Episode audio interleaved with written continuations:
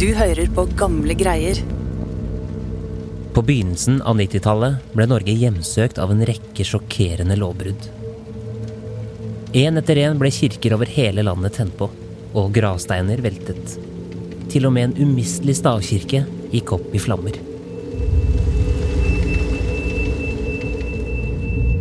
Politiet etterforsket unge menn som virket tiltrukket av mørke krefter, dyster symbolikk og sterke antikristne holdninger. Ja, han som har tilstått, han har eh, angitt et eh, satanistisk eh, motiv for dette. Og snart skulle de også stå overfor drap.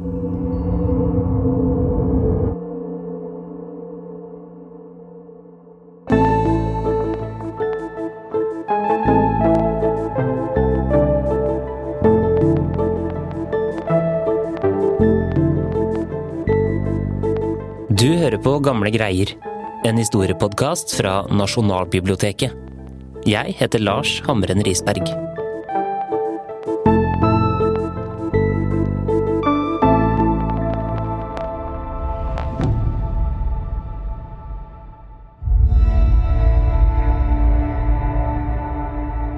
Grytidlig om morgenen den 6. juni 1992 kunne man skimte flammer strekke seg mot himmelen inne fra Fantoftskogen utafor Bergen.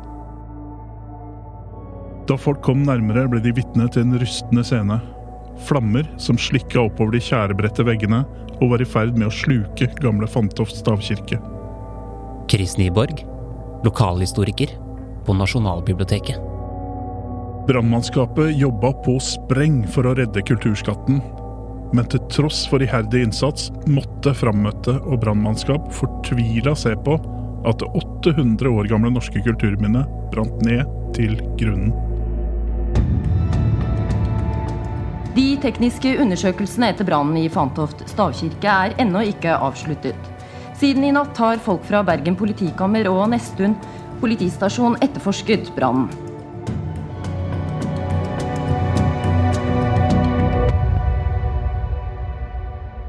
I dagene som fulgte, flokka mennesker til området for å se på skadene.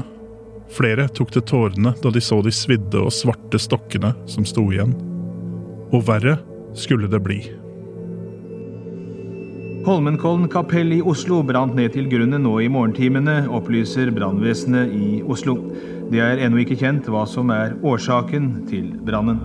Nå til Stavanger, der det meste av inventaret i den nesten 130 år gamle Revheim kirke ble ødelagt av en brann i natt. Dramatisk brann i Bergen i natt. Åsane kirke ble totalskadet. I Sarpsborg er en brannmann fortsatt savnet etter at Sarpsborg metodistkirke brant ned i natt. Kirken var Norges eldste frikirke. Kulturminne etter kulturminne gikk opp i flammer. Dette må jo folk ha reagert på. Kirkene med uerstattelige altertavler og gamle bibler der folk hadde feiret bryllup og døpt barna sine, var brent opp.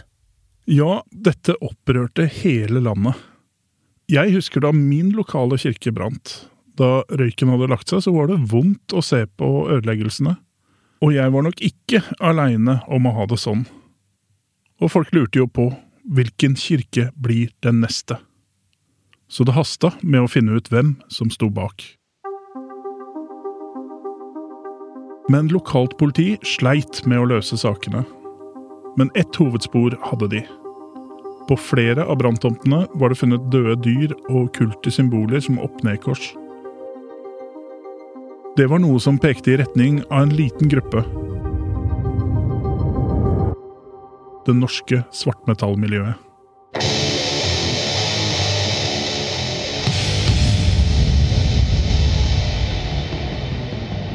Et musikkmiljø som hadde gjort seg gjeldende de siste åra, med stadig flere fans, voldelig og satanistisk symbolikk, og T-skjorter med slagord som 'Drep de kristne'.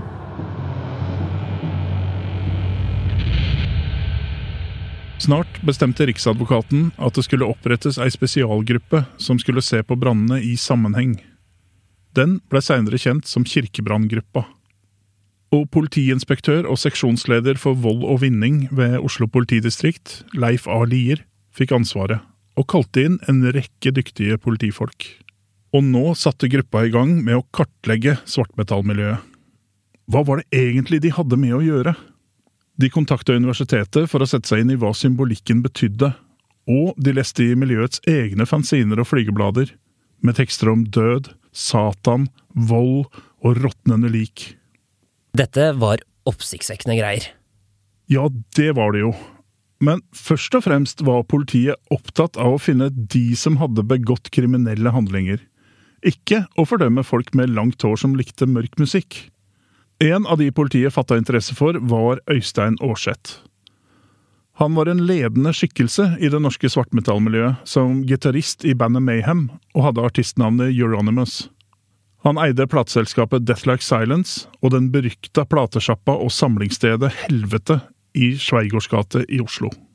Til dette dunkelt belyste butikklokalet med opp-ned kors på veggen hadde siden sommeren 1991 kommet svartkledde, langhårede unge menn for å kjøpe musikken til band som Venom, Emperor og Enslaved. Idealet blant dem var å være ond og mørk, og i opposisjon til den konforme norske mainstreamen, som digga pastell og Melodi Grand Prix. En som tok turen innom helvete når han var på Oslo-tur, var den unge bergenseren Varg Vikernes. Han hadde gitt ut plate på Øysteins plateselskap, og hadde stukket seg ut som en tydelig del av svartmetallmiljøet i Bergen. Politiet prøvde å nøste i dette miljøet, men de kunne merke at dette var et tøft miljø prega av indre justis og av og til trusler. Det var ingen som ville være den som tysta. I avhør nekta alle for å ha noe med kirkebrannene å gjøre.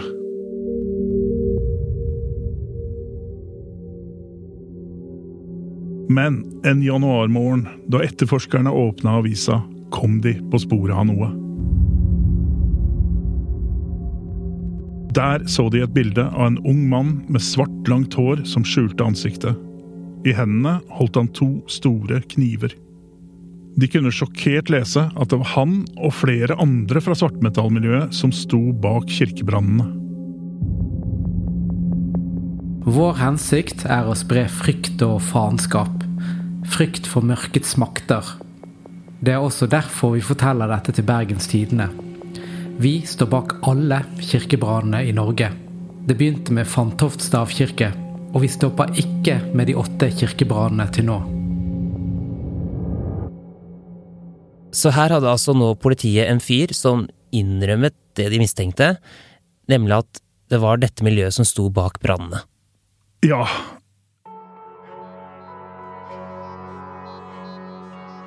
Etterforskningsgruppa begynte jakta på hvem den anonyme mannen med aliaset Count Grishnak, eller Greven, var. Og snart forsto de at det egentlig var snakk om Varg Vikernes, musikeren fra Bergen. Politiet tok uttalelsene hans på alvor og begynte å sjekke ut om det var sannhet i dette utspillet. Og etter en kort stund aksjonerte politiet mot bergensartisten. Forhørsretten i Bergen har varetektsfengsla en 18 år gammel gutt i fire veker, sikta for å ha tent på Fantoft stavkirke og Åsane kirke. I et avisintervju har 18-åringen også sagt at han har tent på andre kirker rundt om i landet.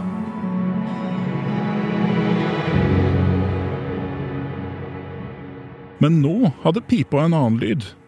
Varg Vikernes nekta for å ha hatt noe med brannene å gjøre, og hevda at det hele bare var et spill for galleriet og reklame for hans siste musikkutgivelse. Det var kun PR for plata, det her? Ja, selvfølgelig. Hvor mye har du fått solgt av det her, da? Jeg har ikke peiling, jeg har ikke fått snakke med noen som helst. Det er brev om besøksforbud. Det, jeg må jo absolutt si at det har vært en ganske bra reklame. Jeg vil jo si at Bedre PR med mindre utgifter kan man neppe få. Han satt flere uker i varetekt, men uten nok bevis måtte politiet slippe ham.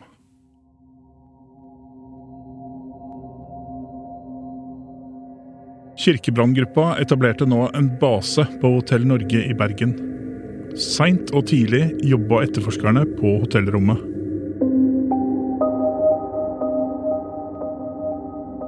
Etterforskninga var møysommelig og krevende. Og til deres og storsamfunnets frustrasjon stoppa ikke kirkebrannene. Men nå skulle det hele ta en overraskende og enda mørkere vending. Grytidlig om morgenen den 10. august 1993 ringte telefonen hjemme hos politiinspektør Leif A. Lier. Det var krimvakta som ringte. Det var funnet en død person i Tøyengata 40, lød beskjeden.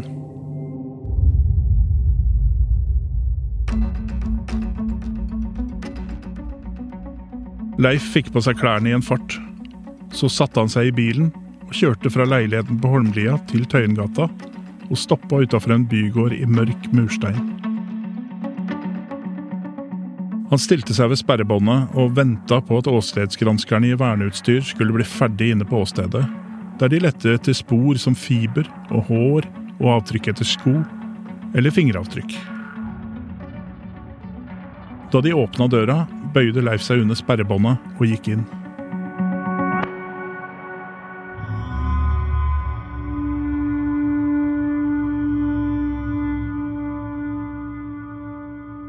Inne i oppgangen var det mye blod, og i trappa mellom første og andre etasje lå liket av en ung mann.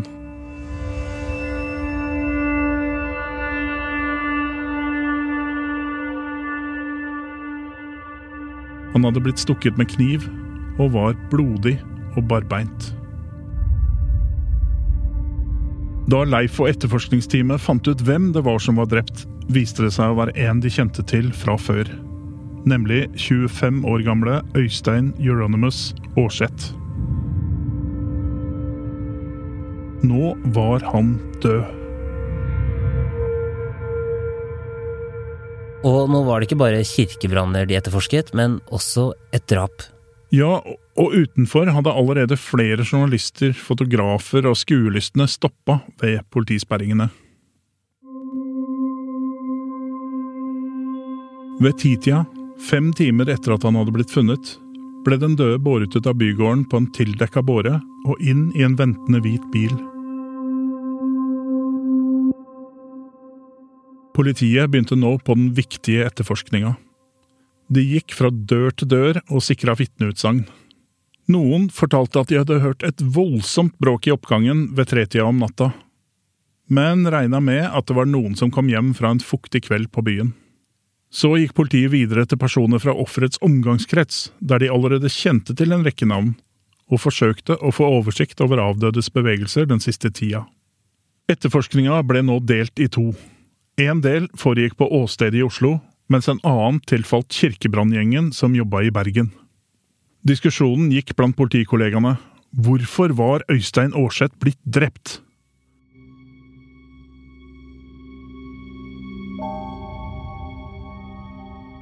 Etter drapet eksploderte mediedekninga.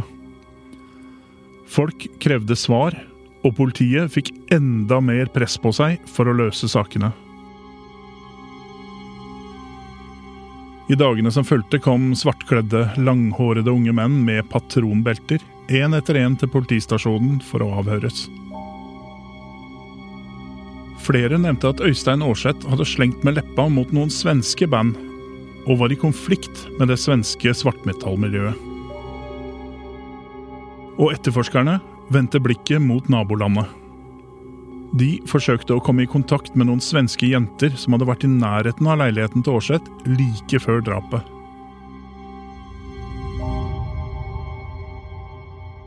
Sverige skulle raskt vise seg å være et blindspor. Men politiinspektøren og de andre hadde flere spor å følge. Leiligheten i Tøyengata hadde, bortsett fra blodsporene, vært ryddig og uten tegn til at noen hadde brutt seg inn. Kunne drapspersonen være noen Øystein kjente? Pilene pekte mot Varg Vikernes.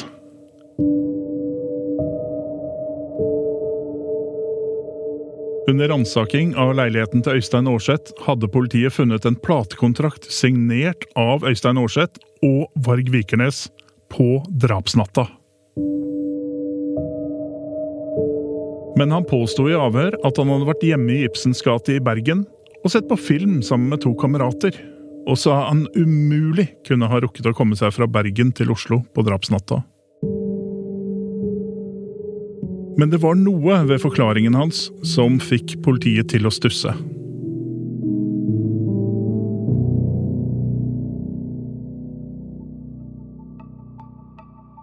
Teamet møttes på Hotell Norge for å etterforske videre.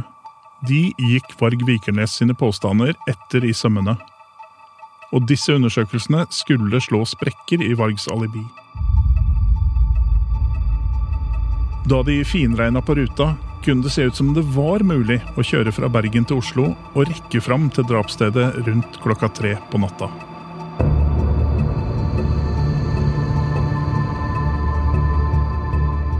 Så Varg Vikernes kunne ha vært i Oslo den natta. Ja, og nå begynte det virkelig å løsne for politiet. Åstedsgranskerne hadde endelig funnet det som virkelig ville være fellende bevis. Etter å ha saumfart alle de fire etasjene i blokka, hadde de kommet over et fingeravtrykk på gelenderet i trappa. Et fingeravtrykk i Øystein Aarseths blod. Og da svaret kom fra laboratoriet, var det ingen tvil. Dette fingeravtrykket tilhørte Varg Vikernes.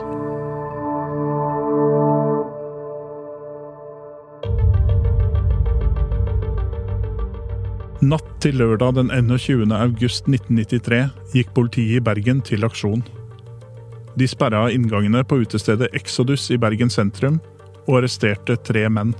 For drap, medvirkning til drap og for falsk forklaring.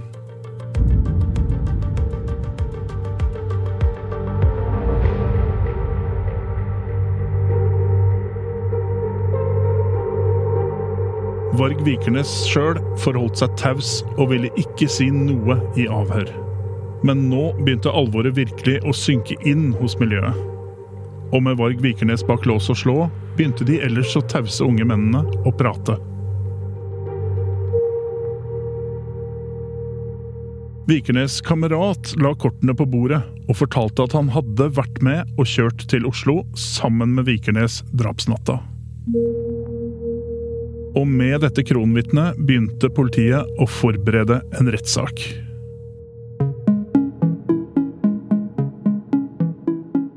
Nå fikk dessuten politiet hull på flere av brannsakene. I vitneavhør var det igjen Varg Vikernes navn som dukka opp, men også flere andre.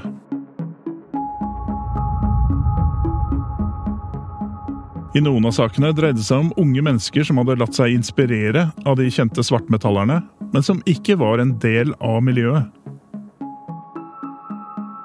Under avhørene fikk politiet en ny overraskelse. En av de sentrale skikkelsene som var inne, kunne ikke bare knyttes til brannen i Holmenkollen kapell, men også til et uoppklart knivdrap på en homofil mann på Lillehammer.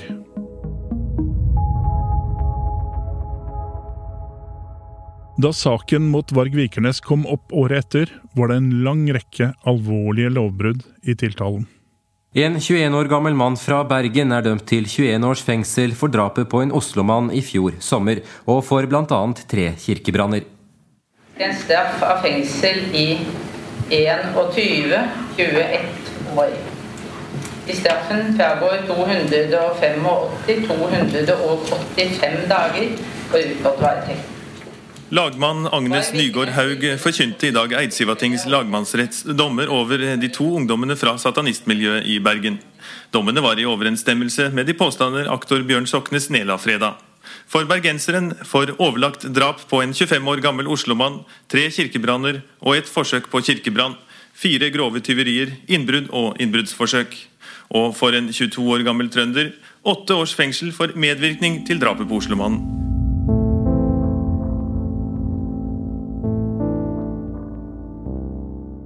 I rettssalen innrømte Varg Vigernes å ha drept Øystein Aarseth, men i selvforsvar.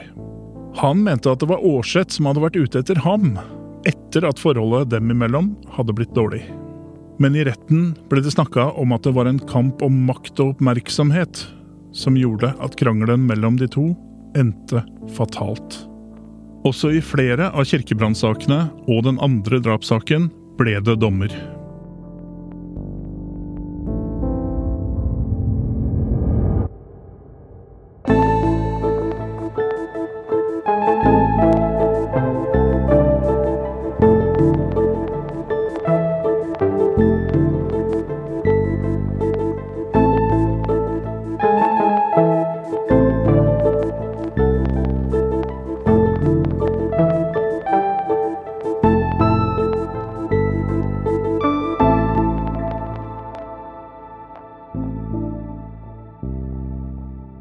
Politiet oppklarte altså to drap og en rekke kirkebranner. Men det skulle ta år før det ble færre kirkebranner i Norge.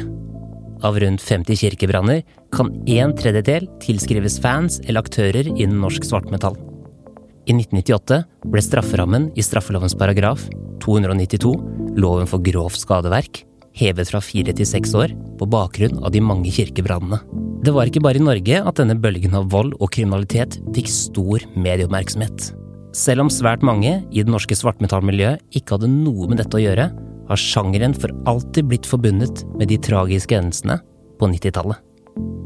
I Nasjonalbibliotekets utstilling Dårlig stemning kan du bli bedre kjent med svartmetallen som sjanger og kunstnerisk uttrykk. Mer info finner du på nasjonalbiblioteket.no. Du har hørt en episode av Gamle greier.